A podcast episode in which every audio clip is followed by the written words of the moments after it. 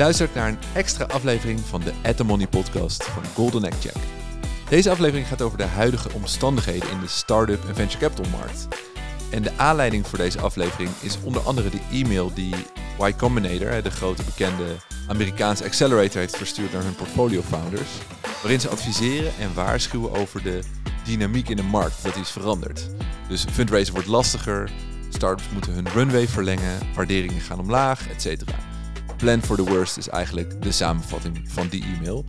Maar hoe zit dat in Nederland? Dus zijn dezelfde adviezen hier ook van toepassing? En wat kunnen founders doen om zich voor te bereiden of aan te passen? En om daarachter te komen heb ik zes investeerders gevraagd om hun kijk op de markt uh, te geven, dus vanuit hun perspectief. En dat zijn Edwin Hengstmengel van Endite, Gemma Bloemen van Creandum, Johan van Meel van Peak, uh, Janneke Niese van Capital T, Frank Appeldoorn van Arches Capital en uh, Christina Collier, angel investor. Welk advies geven zij aan founders? Uh, hoe lang gaat deze situatie nog duren? En zijn er ook kansen? Het idee is dat we wat hoger in de venture capital boom zeg maar, gaan beginnen. Dus met het fondsen die de grootste tickets doen in de la latere fase. Uh, dat is Endite. En dan eigenlijk zo een soort van terugzakken langs uh, series A, seed en dan pre-seed. En tot we eigenlijk komen bij uh, het domein van het angel domein waar Christina in actief is. Mm, ik ben ook heel benieuwd naar jouw ervaringen en inzichten. Dus misschien vind je het leuk om wat te delen. En dat kan bijvoorbeeld in de comments van de LinkedIn-post waar ik deze podcastaflevering aankondig. Zoek mij even op, Thomas Mensink. Oké, let's go.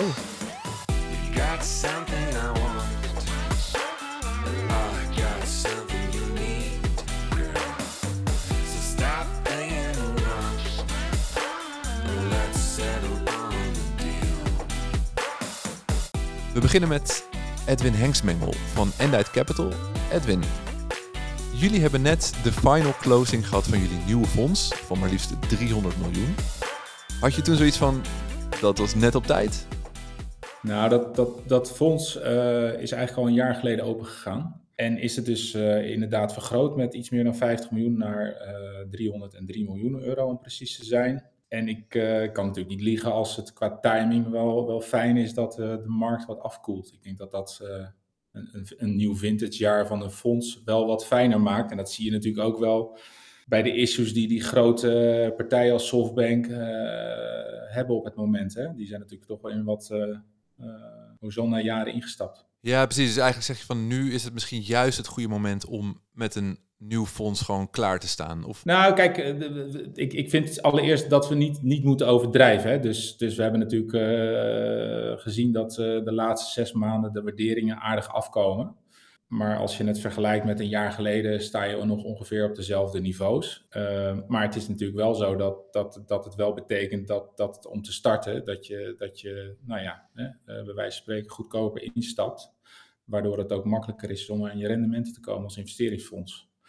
Dus zo kijk ik daar een beetje naar. Um, de, maar maar het, zou, het zou goed zijn voor, voor VC's om misschien wat meer met een macro-pet naar te kijken. En ik, ik kom natuurlijk uit een uh, public equity omgeving. En, en daar is dat natuurlijk wel gewoner. Hè? Ik bedoel, daar, daar worden ook over, overnight worden, zeg maar, de, de nieuwe ontwikkelingen in de markt ingeprijsd. En in, in de VC-wereld duurt dat wat langer. Maar ja. Ja, ik denk wel dat je je voordeel ermee kunt doen door daar goed over na te denken. Maar toch vind ik dat die ontwikkeling best wel snel gaat, toch? Dus uh, ik had gedacht namelijk dat het misschien langer zou duren voordat die publieke markt dingen doorcijpelen in de private markt uh, van, van venture capital. En uh, jullie investeren natuurlijk, nou ja, niet super laat, ook niet super vroeg, een beetje misschien ertussenin. Maar dit kan wel serieus effect hebben op jullie exit-strategie bijvoorbeeld. Ja, nou ja, wat ik al zeg, hè, dus in november, in november kwamen de eerste waarschuwingssignalen al, uh, al naar buiten. Dus we zijn natuurlijk al zes maanden onderweg. En ik denk dat, uh, en dat weet jij beter dan ik, als je naar de data kijkt, dan, dan hebben we natuurlijk al een uh, kleine dip gezien in het eerste kwartaal. Maar in april zag je alweer wat, wat stijgingen. Dus het is nu vooral, denk van ik... Wat? Van wat? Van, van, van aantal exits bedoel je? nou, niet exits, maar, maar investeringen. Ja. Kijk, eh, op het exitfront uh, ga je het al zeker merken. Al is het alleen maar omdat de, de koopkandidaten natuurlijk vaak diezelfde beursgenoteerde partijen zijn. Precies, ja. Uh, nu, even, nu even ellende is. En als je bijvoorbeeld een fintech bedrijf hebt en je wilt verkopen aan banken, ja, dan is dat natuurlijk helemaal een beetje een dubbel whammy. Dus dat zie je wel. Aan de, aan de investeringskant valt het nog wel mee, maar het is wel de whisper in de markt dat, uh, ja, dat, het, dat de tijden snel veranderen.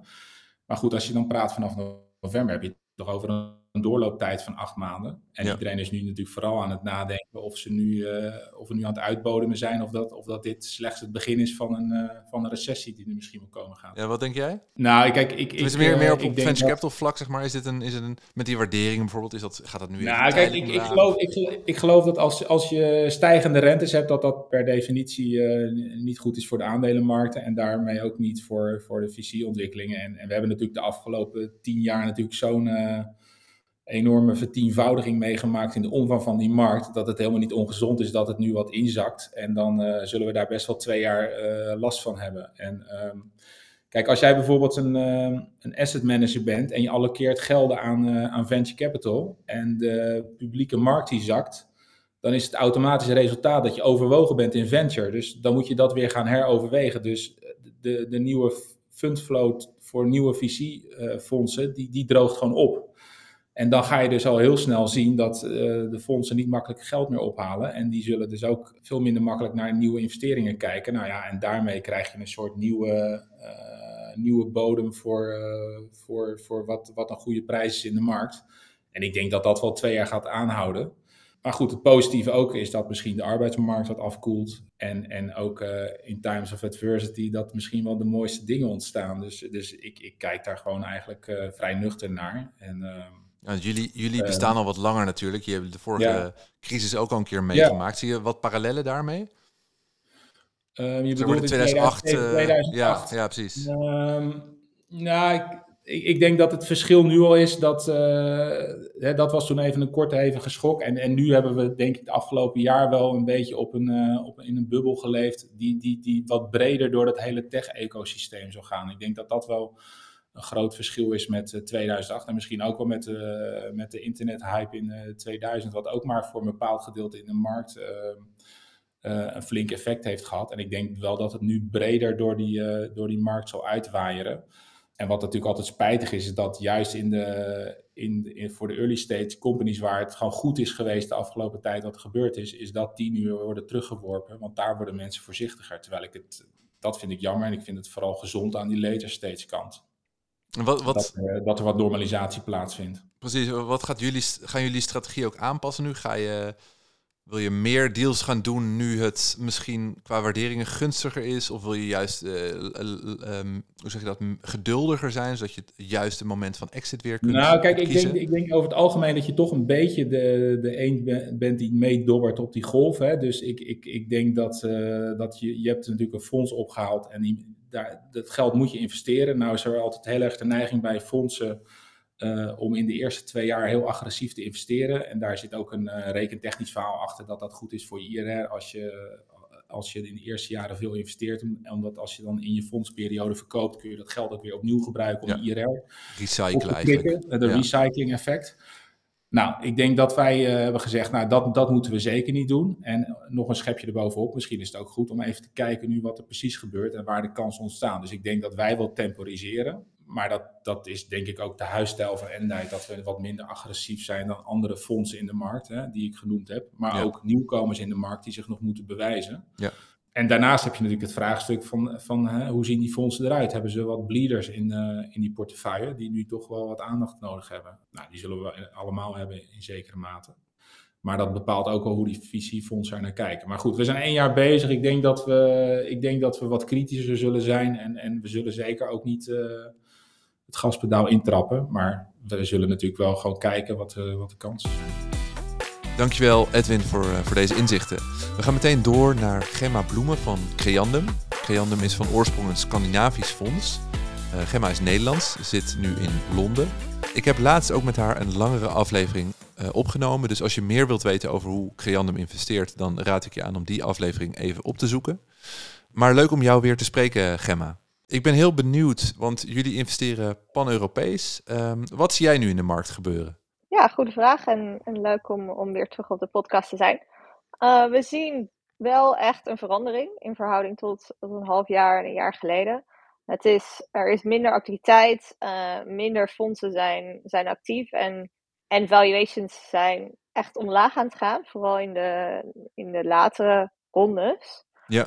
Het verschilt, het verschilt wel een beetje uh, voor ons, omdat we een early stage investor zijn. Seed en A is het nog steeds erg druk. En er zijn gewoon nog steeds heel veel getalenteerde ondernemers die bedrijven aan het starten zijn en die daarvoor startkapitaal aan het ophalen zijn. Uh, maar hoe, hoe later de ronde, hoe minder bedrijven E op dit moment proberen om, om geld op te halen. Omdat ze natuurlijk ook van hun investeerders horen dat het niet het juiste moment is. Maar er zijn ook gewoon duidelijk een stuk minder late-stage investors actief. En een veel, ja, veel Amerikaanse investors, daar weet ik van dat ze gewoon echt ja, zich deels hebben teruggetrokken. Of, of in ieder geval veel minder aan het investeren zijn. Mhm. Um, en, en we zien echt heel duidelijk dat valuations en, en dus ook nou ja, hoeveel mensen ophalen per ronde omlaag aan het gaan is. En ja, ik weet niet, sommige mensen zeggen dat het normaliseert. Um, in verhouding tot vorig jaar is het omlaag aan het gaan, maar misschien in verhouding tot een paar jaar geleden weer, weer meer. Um, Ja. ja. Dat het Een vorig jaar eigenlijk een een soort, soort eh, dat er te veel lucht eh, in de markt misschien was dat dat het nu weer aan het dat dat er een correctie is dus eigenlijk. Precies, ja. Dat, eh, dat, zou, dat zou goed kunnen. Ja, wij aan de, aan, aan de seed stage merken we het niet heel erg. E wel meer dat er gewoon meer, ja, iets lagere valuations, iets, iets meer focus op ook dingen zoals runway, burn rate, unit economics. Ja, eigenlijk, het, het is heel belangrijk dat je een, een business aan het bouwen bent die echt ook zichzelf kan, kan financieren op een gegeven moment. In plaats van oneindig maar kapitaal nodig heeft. Maar nu, nu ken ik jullie een beetje als, als toch wel een, een wat soort, soort van nuchtere investeerder, toch? Dus, dus niet eentje die alleen maar bakken geld er tegenaan smijt en dan maar hoopt dat het goed gaat. Eh, betekent Ja, dat dat voor jullie je strategie ook niet per se heel anders wordt? Ja, nee, daar heb je helemaal gelijk in. Wij zijn eigenlijk helemaal niet, niet veranderd in strategie. Dus we, we investeren. We hebben, we hebben ook het geluk dat we, dat we net een fonds hebben opgehaald. Dus we, en we, we investeren het nog steeds op dezelfde manier in dezelfde bedrijven. Ehm, we hebben ook niet. Ja, we gaan er ook geen pauze of zo daar, daarin inlassen. Mhm. Waar we, wel, waar we wel nu meer over nadenken, vooral in, in E-rondes, is ja, hoe kunnen we dit bedrijf ook ja, zorgen dat ze, dat ze succesvol zijn voor de volgende ronde.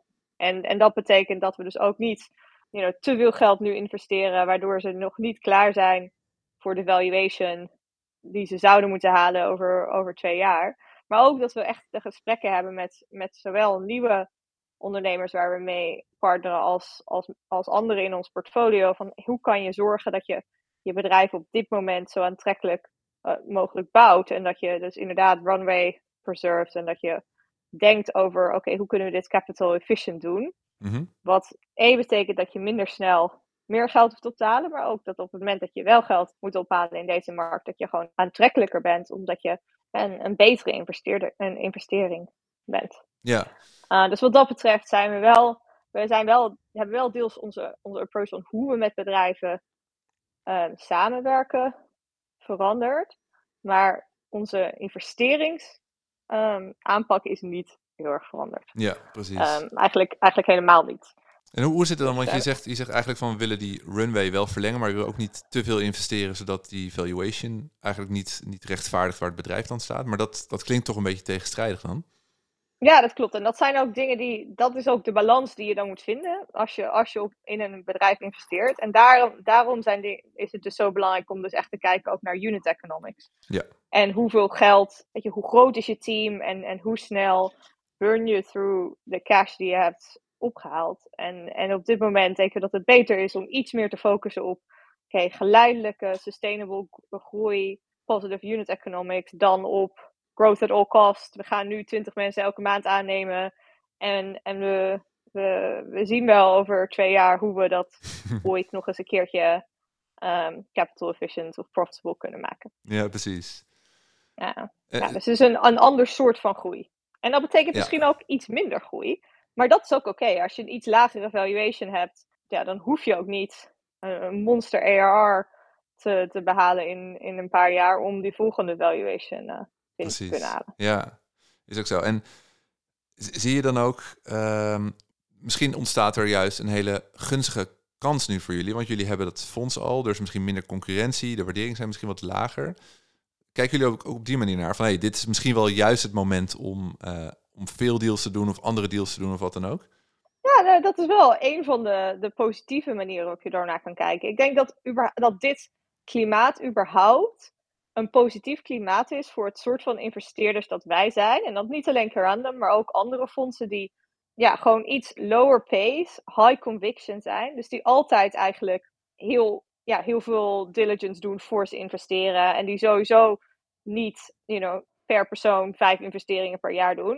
Um, en wij zijn eigenlijk altijd erg deliberate in, in, in hoe we investeren en waarin. En, en, en zorgen dat het een, ja, ook een sustainable investment is towards the future. Mhm. um, en, en ik denk dat het soort van het soort van fondsen wat dat soort high conviction mindset heeft, dat is de mindset die waarschijnlijk waar, waar een, een, groot aantal andere fondsen nu proberen naar te adapten. Maar het is natuurlijk een stuk moeilijker om, het, om daarnaar te switchen als je, als je twee jaar lang of ja, al jarenlang iets heel anders hebt gedaan. Ja, dan als dit al je core Belief ja, is modus eigenlijk. operandi ja. is. Ja. is er nog iets wat je Nederlandse founders wil meegeven die dus nu in die fase zitten dat ze ja, misschien twijfelen, moet ik nou wel geld ophalen of niet? Of voor hoe lang? Of, of ja, weet je, dat soort, dat soort toch wel strategische dingen. Wat, wat, wat zou je hun kunnen meegeven dan? Ik denk, voor, voor goede bedrijven is er sowieso nog geld. Zeker in Europa, waar de investeerders gewoon minder, ja, minder door de gekte van de afgelopen jaren zijn, zijn meegesleept. En dus ook minder aan het corrigeren zijn. Ja. En zeker early stage. Dus dat, vrees dat niet. Uh, er, er is gewoon nog heel kapitaal. Maar denk aan hoe je je positioneert en hoe je ook denkt over dingen zoals ja, dus, dus je, je, je capital burn en, en je unit economics en hoe je, hoe je je business bouwt. En niet, dus niet alleen groei. En denk ook over, over je valuation en hoeveel je ophaalt. Want het is gewoon echt een andere markt dan zes maanden geleden.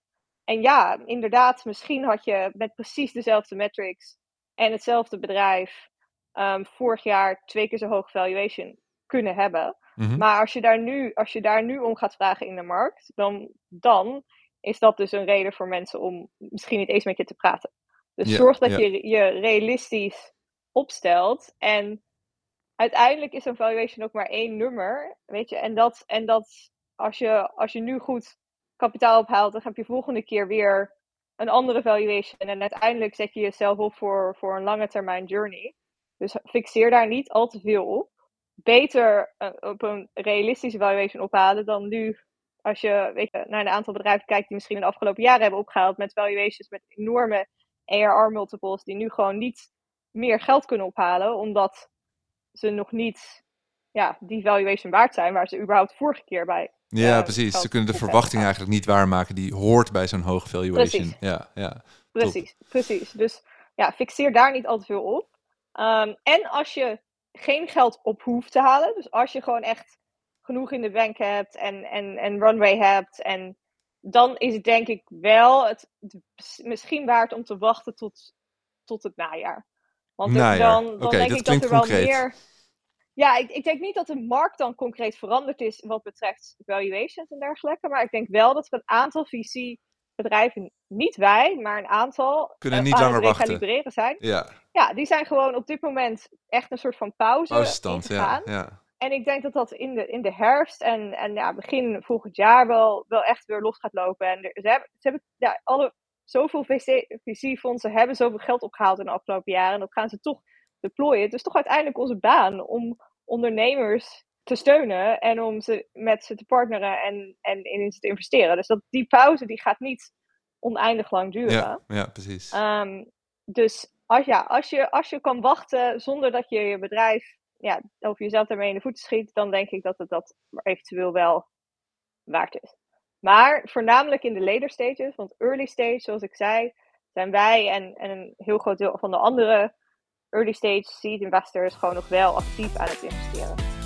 Oké, dank voor deze inzichten, Gemma. Eh, we gaan meteen door eh, naar Piek. Eh, Johan van Meel. Ja, iedereen kent Piek, denk ik wel. Ik weet niet of er echt veel introductie nodig is. Ik denk dat Johan misschien wel de bekendste visie van Nederland is. Dus die intro hou ik kort, sla ik we, we duiken er meteen vol in.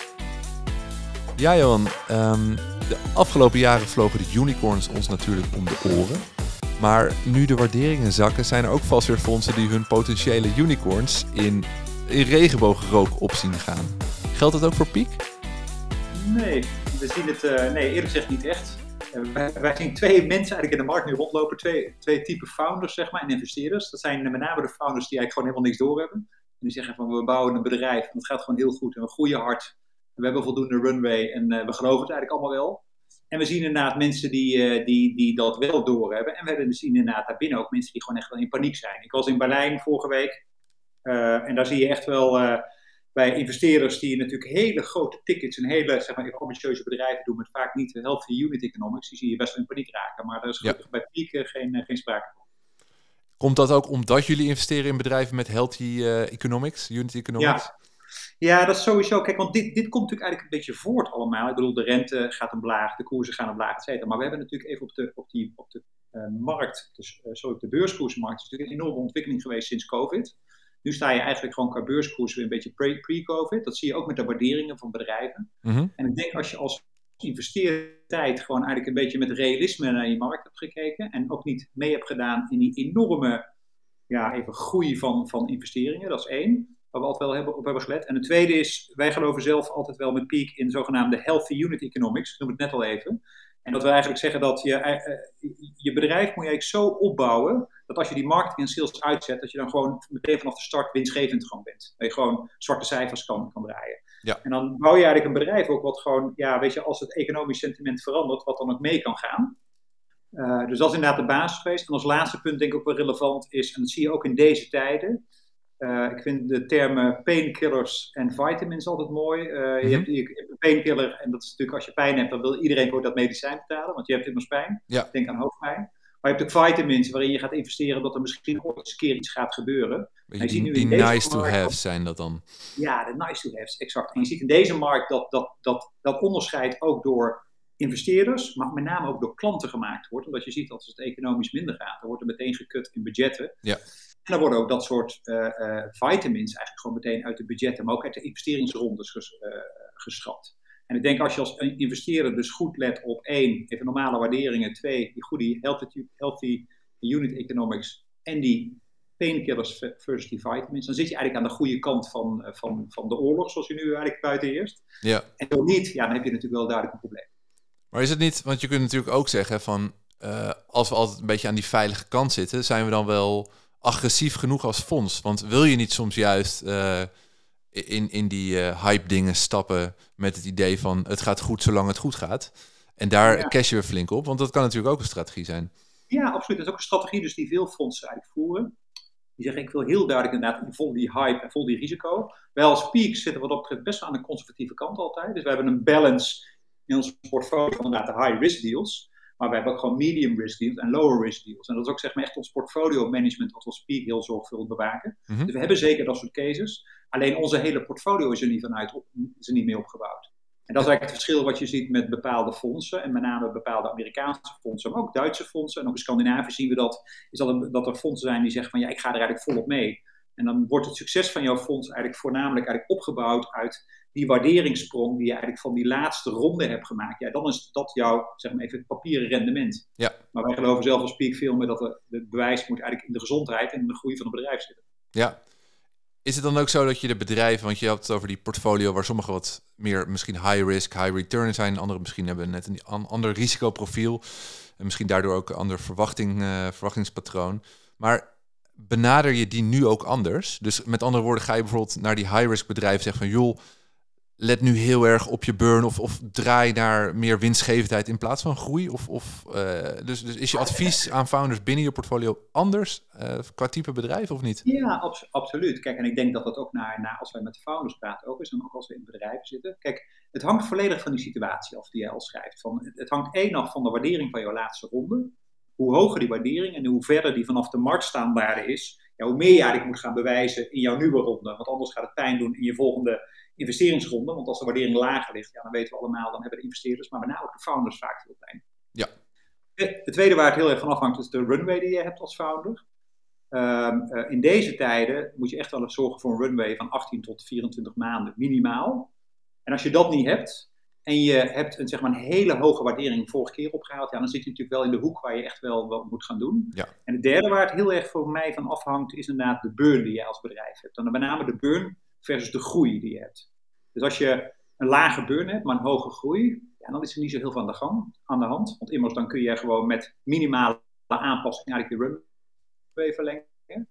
Maar heb je een hoge burn en een lage groei, en er zijn ook bedrijven die we allemaal kennen, neem de Gorillas, uh, wat natuurlijk recent is aangekondigd, waar dit is, uh, uh, het geval is. Ja. En dan moet je natuurlijk heel erg hard ingrijpen. Want dan moet je zorgen dat je groei behouden blijft, maar met name moet je zorgen dat je burn verlaagt. Dus het advies van mij ook, ook aan founders en ook binnen onze portfolio hangt helemaal van de situatie waarin die founder zit.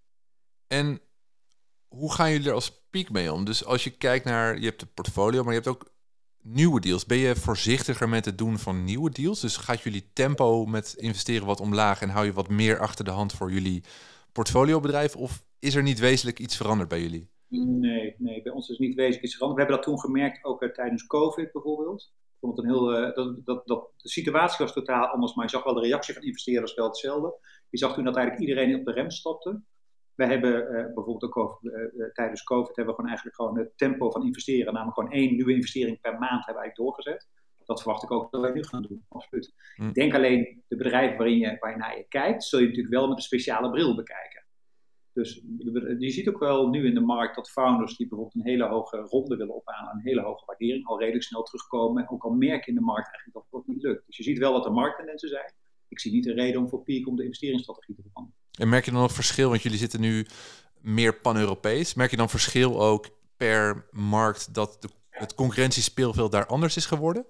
Ja, absoluut. Je ziet dat, dat, dat uh, markten die Anglo-Saxischer zijn, zeg maar de Amerikaanse markt, hè, maar bijvoorbeeld de Zweedse markt is natuurlijk echt wel de meest, uh, de Noordic markt, dus de meest voorlopende markt eigenlijk in, in Europa, naast, uh, naast Londen.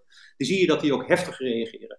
Dus je ziet dat daar ook meteen een, een, een volle reactie eigenlijk komt van zowel ja, bedrijven, founders, als vanuit investeerders om vol op de rem te trappen.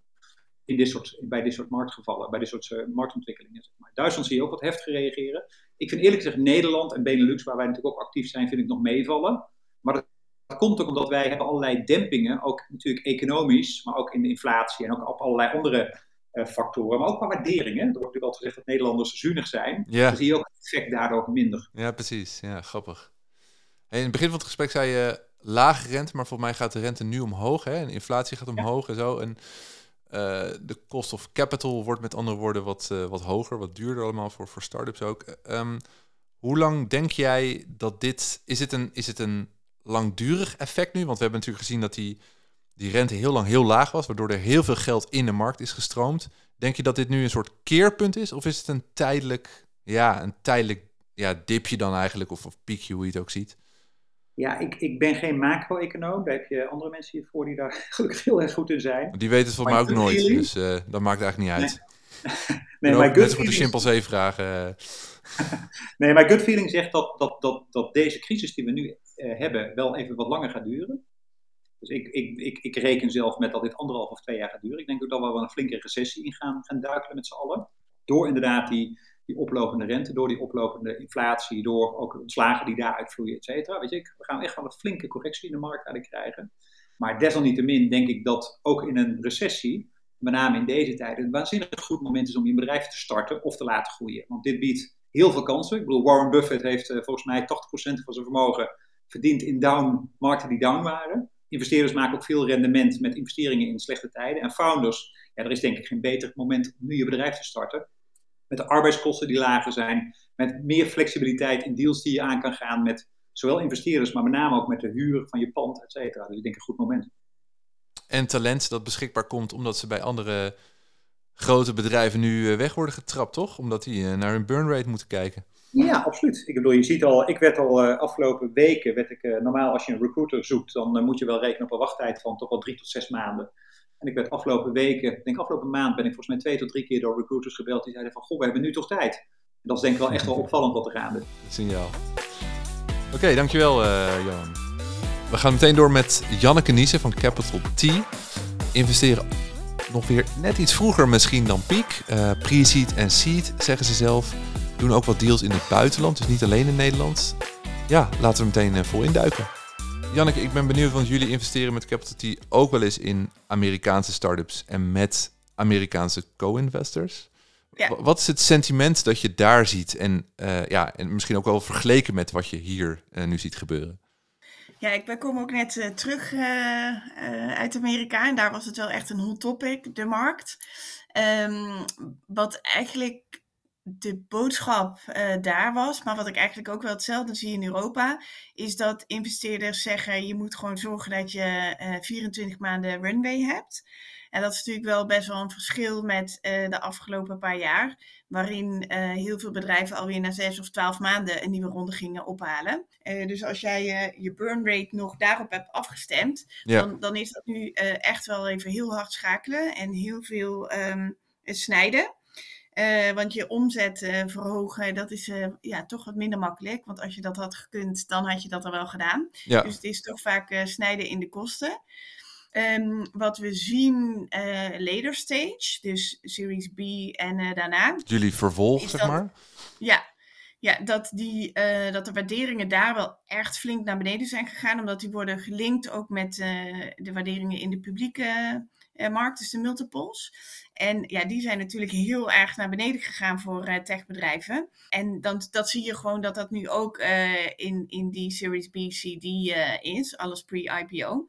Eh, dus dat heeft daar wel echt eh, impact. Dat gaat ook wel doorwerken eh, uiteindelijk in die early eh, stage. Mhm. Maar ik denk wel minder, omdat ja, wij investeren pre-seed en eh, seed.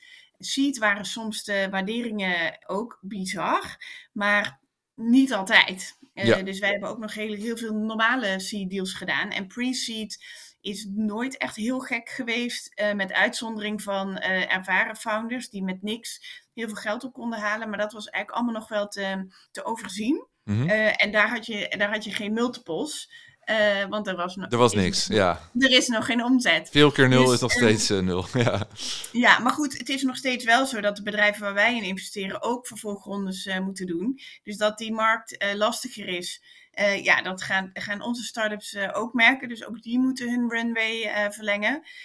Voor startups die echt heel snel groeien ehm, met eh, verhouding normale burn rate, die, die zullen nog steeds geen probleem hebben met het ophalen van financiering. Maar degene die ja, iets minder snel groeien, daar zal het gewoon wel lastiger voor worden. Dus ehm, ja, het, het, is, het gaat voor iedereen gaat het eh, eh, merken.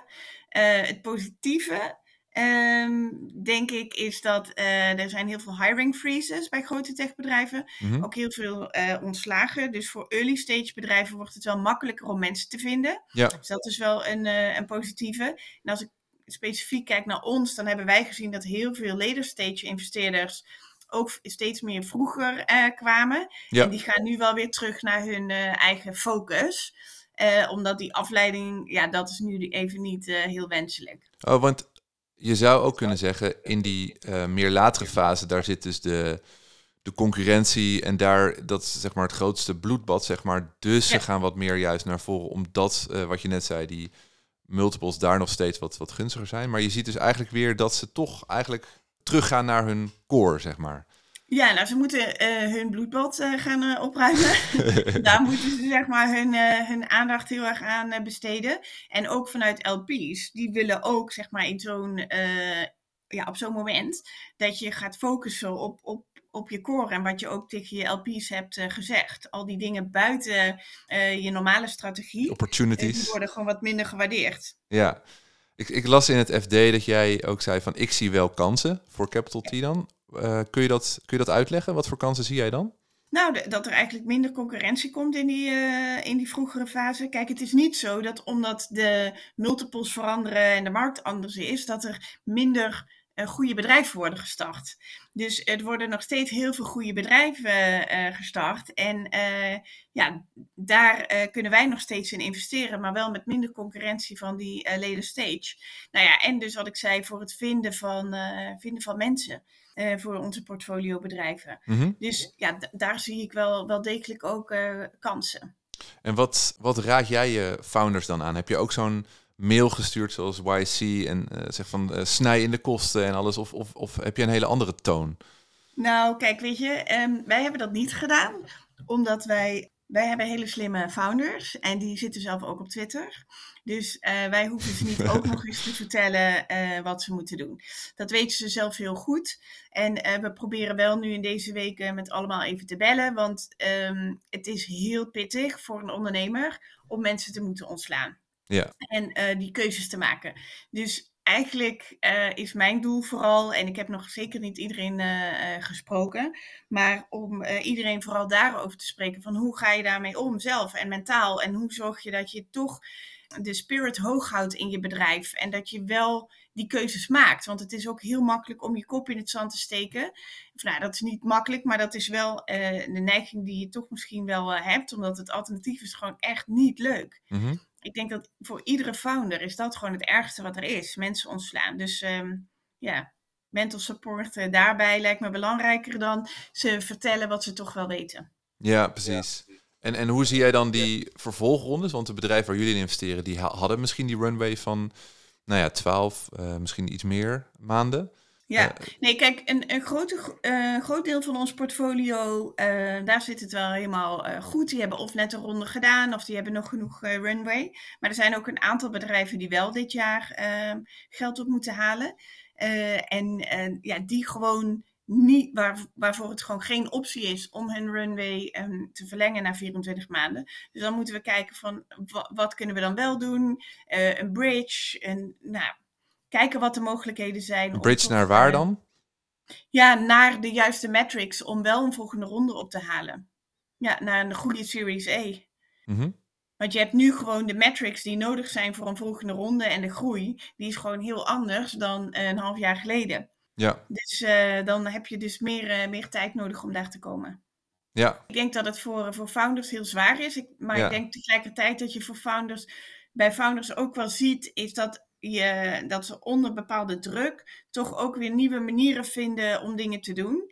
En uh, dat het voor een aantal achteraf misschien ook een blessing in disguise uh, is, omdat je wordt geforceerd om uh, te focussen op de core. En kijk, netto is, is zit niemand hierop te wachten. Mm -hmm. Maar um, je zult wel zien dat sommige founders heel inventief worden en toch met oplossingen komen, waardoor ze uiteindelijk beter af zijn. Ja, ja precies. Dankjewel uh, Janneke. We gaan, uh, we gaan door naar Frank Appeldoorn uh, van Arches Capital, een angel syndicaat. Er zit een beetje tussen angels en VC's in. Ook weer interessant denk ik in dit, voor deze context. Ja Frank, jij zit bij Arches Capital. Jullie zitten natuurlijk een beetje tussen angels en VC's in. Hè? Zo positioneren Zeker, zeker. Dat is de, dat is de positionering, inderdaad. Wat zie jij dan nu in de markt gebeuren wat voor die fase zeg maar relevant is? Ja, je ziet uh, de, de, de, de, de, de macro-economische zaken, de, de, de, dus de, de, de inflatie gaat omhoog, meer onzekerheid door de oorlog uh, en, en, en, en de rentes die omhoog gaan. Mm -hmm. uh, mijn verwachting in, in, in de markt is dat, dat er min, minder angel geld beschikbaar gaat zijn. De, dus dat, dat betekent dat mensen wanneer zeg maar vastrentende waardes weer, weer, een, weer een, een, een logische optie zijn, hè, bijvoorbeeld sparen. Ja. Uh, dat mensen weer, uh, als, de, als, de, als de rente, als spaarrente tussen de 3 en 5 procent uh, uit gaat komen, ehm, ja, dan is sparen weer een, weer een concrete goede optie. en dan zullen ook meer mensen gaan doen. En dat, dat betekent dat, dat, dat er geld weggaat van, van, van angel investing, en ik denk ook van venture capital. dat, ja, dat heeft een, een dooruil effect. Oh ja, maar jij zegt dus dat het beneden aan de ladder begint en dan naar boven toe, toe werkt. Ja, ik, ja, zeker. Zeker ik denk dat je, dat je, dat je, want dat is het snelste. Kijk, de, de, de snelste beschikking over, de, over, over het geld hebben, hebben angels. Ja. Uh, en, en, en tweede pas, die, de, de, de fondsen. De fondsen hebben natuurlijk commitments.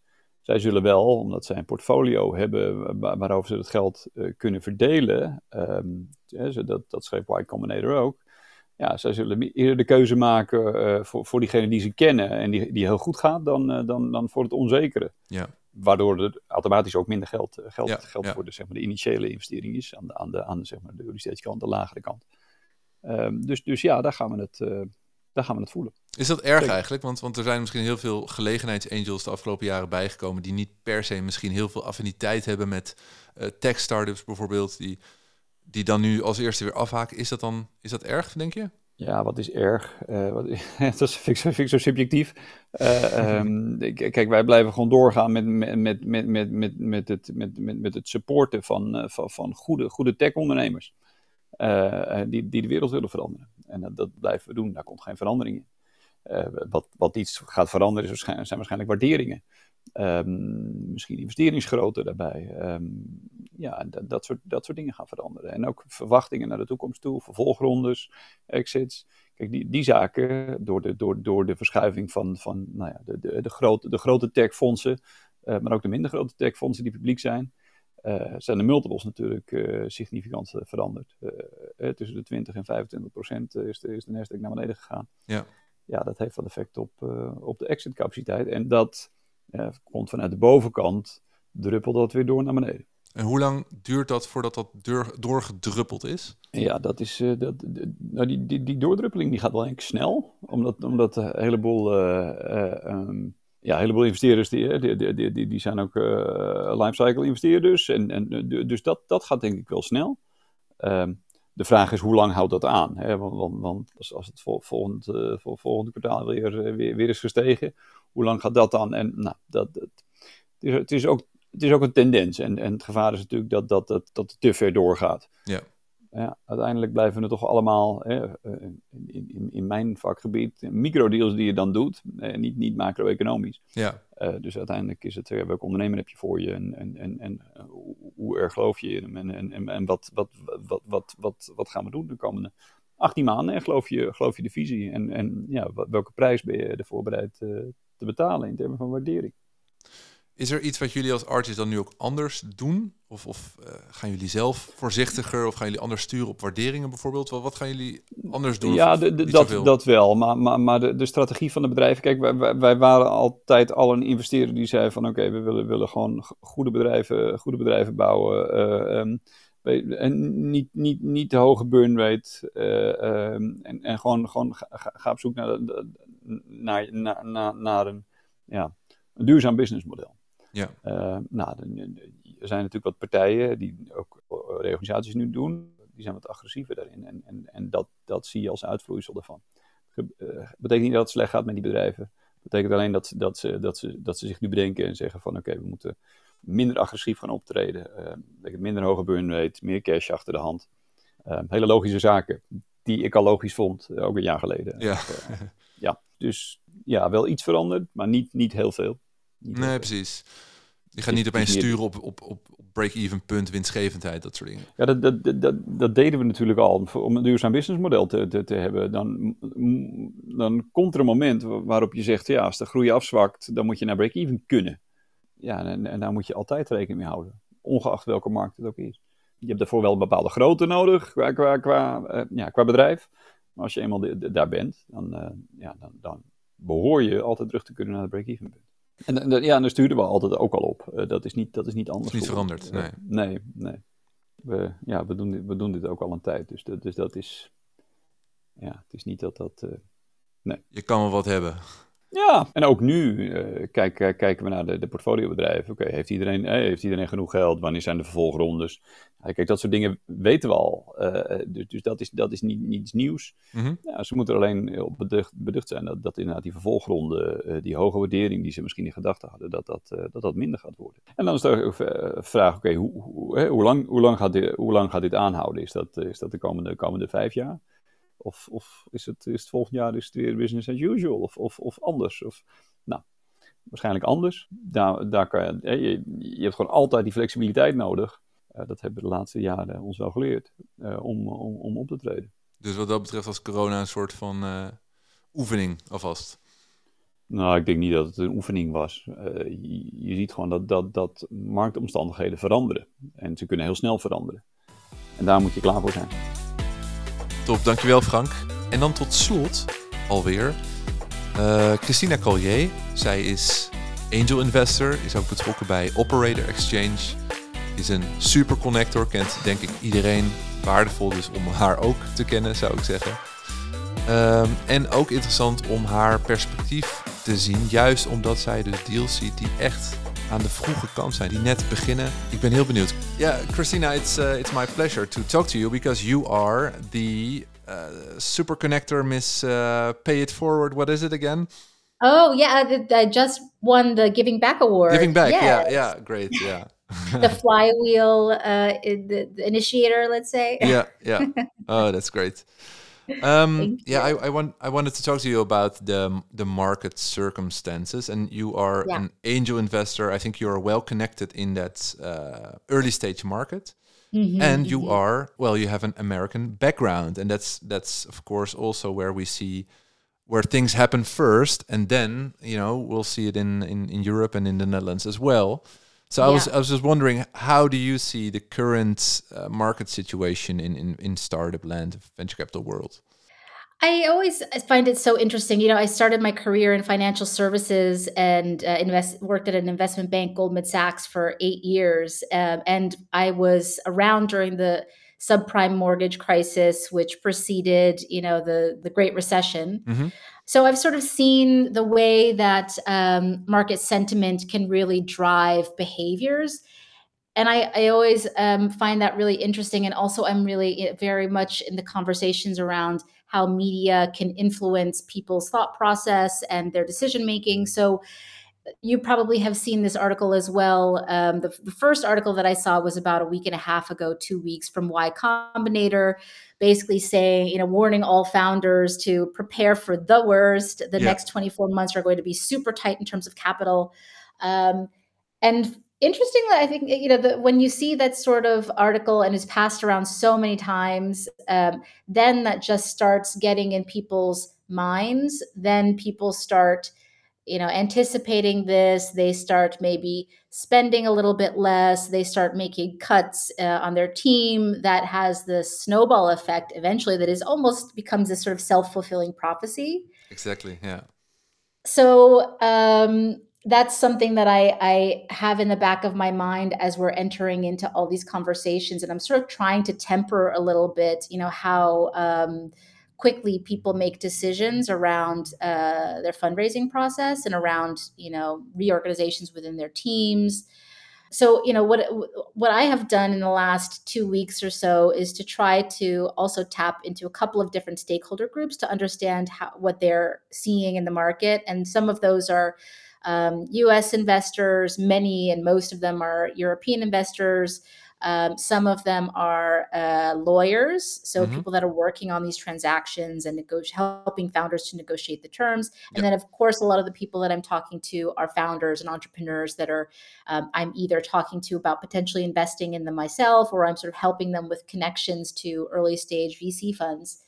And one thing I find interesting is the lawyers who are very well connected, and um, uh, particularly in the in the European and Dutch market, and are facilitating transactions, many of them with U.S. investors. Mhm. They're not yet seeing a steep drop in valuations or terms that you know people are anticipating is going to have, has already happened, and some anticipate is going to worsen. Mhm.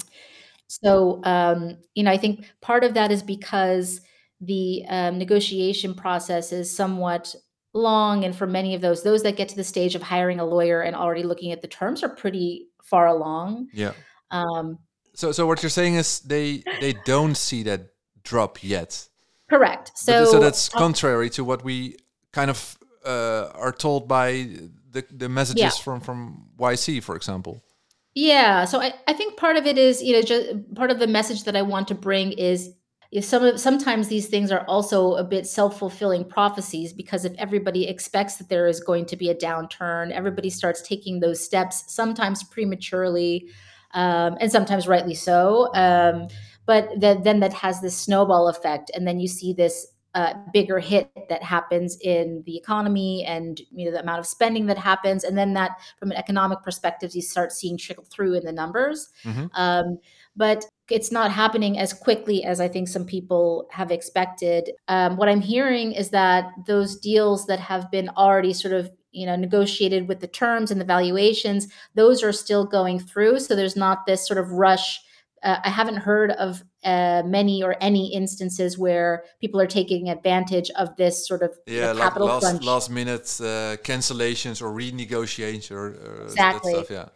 I have not heard of that, which is a good thing. Yeah. Um, but um, yeah, I mean, I, I think in in this in these markets, it is always really important if you're in the fundraising process, just to always understand, you know, who is your audience, who are you, what's the type of investor that you um, that is going to f- best fit your proposition, who can help you the most, who uh, with whom will your vision and product resonate the most, and make sure that you're really doing that diligence process to find those people, and then it will continue to be easy to um, you know get those folks on board um, if you have the right uh, you know click with them. Yeah. um, it might take a little bit longer to um, to source that capital. I'm hearing from dutch vcs that um, there is this expectation that the valuations need to come down. Hmm that Yep. might also be a little bit of a factor of how you know the mindset of some of the dutch uh, venture capital firms But does it also Um, but affect your mindset as an angel investor? Then do you invest in a different way? With with uh, do you also say, okay, I do want to invest, but at a lower valuation, for example? Um, well, you know, what I'll say is that um, as an angel, I'm never the one who's really in the lead with determining valuations. Yeah. So it's not as though I'm going in and saying this needs to be a lower valuation. Though I will maybe be a little bit more, look a little bit more to see, you know, are and speak with the other angels that might be co-investing or, or looking at the deal, or if they already have um, you know, a lead investor on board, whether that's a, a, an individual or an entity and ask those questions on um, what are their terms are those the same terms that i as an angel would be receiving and just making sure that those are in alignment. I think that you know for certain angels uh, maybe the thing for founders to be aware of is um, we're individuals and it sort of depends on how our own personal capital is allocated and how well diversified we are.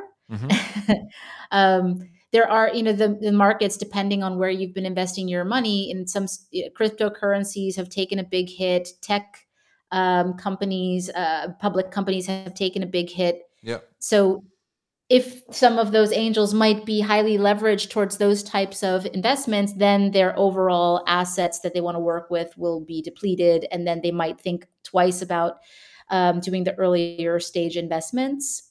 Um, but I also realize that um, you know that there's a I have a certain amount of capital that I allocate on an annual basis to startups, and then some of those are um, now uh, yielding. Then that allows me to put more. You know, maybe take some of that capital off the table and then put it somewhere else outside of startups. But then some of that I will reinvest in another startup so because some of my uh, my startups are about eight years, seven, eight years in, and are are starting to um, exit, which is nice. Yeah. Okay. So, so you're still bullish on the on the startup market then in the early stage. I, you know, I think with the right founder teams, you will always, uh, we will be opportunistic. Let's say I'll, I'll include myself in that bucket. That there are also, like you saw it during the COVID period, there are ways that people can be super sharp about either pivoting their proposition um, to capitalize on some new dynamics in their market, or they're coming up with completely different and new propositions that again capital, capitalize upon the market. Um, so I, I, think that those, I like many angels, I really invest in the founders, and um, many of those founders are very adaptable and understand when uh, it's time to make some sort of a shift, and they're very sort of iterative in figuring out what that next shift, where that next shift will take them. Yeah. Okay. So Yeah. looking at your business with a bit more of a critical eye, and um, I think the Dutch founders in particular are actually best positioned if you look at them versus US founders. We know how to focus on profitability because we've been sort of conditioned to do that from the start. so you're That's also bullish about the Dutch market then. Well, you know, I, I was I've been asking this question: Are we uh, because you, you you mentioned that would be part of what we talked about? You know, are we as Dutch um, entrepreneurs or the Dutch ecosystem better positioned or worse positioned or the same as other ecosystems? Maybe from a capital perspective, um, you know, I think that the U.S. still um, has the, the the terms and valuations are still going to continue to be you know m- expected to be multiples higher in the states versus here in Europe and that's something that we've seen for years, and that's why you have also seen uh, more VC early stage investors, in particular, coming into the Dutch market because they see great opportunities yeah. in terms of return on investment. Yeah. So that there will always be that, um, like in, in this period, there will continue to be that dynamic where the valuations here are going to be lower than in the states because that's just sort of par for the course. Mhm. Um, so that's that's uh, you know we might not feel as big of a dip as they will in the U.S. if there is this sort of valuation correction. Mhm.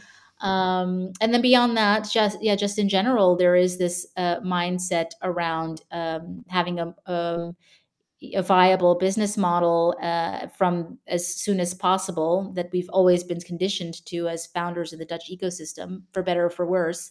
Um, and the U.S. Uh, entrepreneurs don't have that sort of conditioning ingrained in them, so that will allow us to weather the storm a little bit better. Oké, So ja. I think that we are well positioned.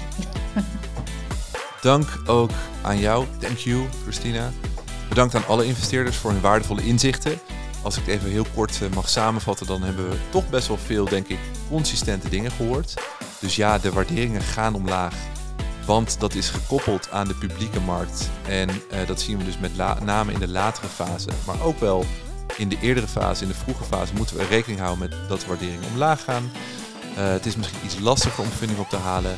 Als je dat doet, probeer dan iets langer vooruit eh, te plannen. Dus je runway iets, iets te verlengen eigenlijk. Misschien wel tot eh, ruim 18 maanden.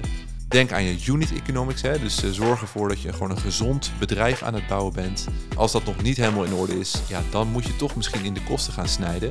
Je burn verlagen, zoals dat dan zo mooi heet. En daar, ehm, ja, misschien op die manier kun je ook weer positioneren voor de, ja, de volgende groeifase die, eh, die er misschien wel aankomt. Dus het is even misschien een taaie omstandigheid. Eh, hoe lang dat precies gaat duren, weten we niet. Maar het kan in het najaar voorbij zijn. Misschien duurt het wel twee jaar. Bereid je in ieder geval wel voor op ja, dat het gewoon ellendig eh, gaat worden. Maar laat je niet gek maken. Wij zijn klaar, denk ik, om de volgende golf van mooie bedrijven neer te zetten. Want never waste a good crisis, toch? Je hebt geluisterd naar een extra aflevering van de At The Money podcast van Golden Egg Check. Ik hoop dat het waardevol was. En vergeet niet om je eigen inzichten en ervaringen te delen in mijn LinkedIn-post. eh, of zoek op Thomas Mensink op LinkedIn. En abonneer je meteen op deze podcast. Want met steun van de Nederlandse Vereniging van Participatiemaatschappijen, de NVP, maak ik nu elke twee weken een nieuwe aflevering met een VC of founder, of allebei tegelijk. En zoek je nog kapitaal om je eigen runway te verlengen, dan kunnen we op twee manieren helpen. Ten eerste investeren wij vanuit Golden Egg Check sinds kort ook vanuit ons eigen co-investment fund.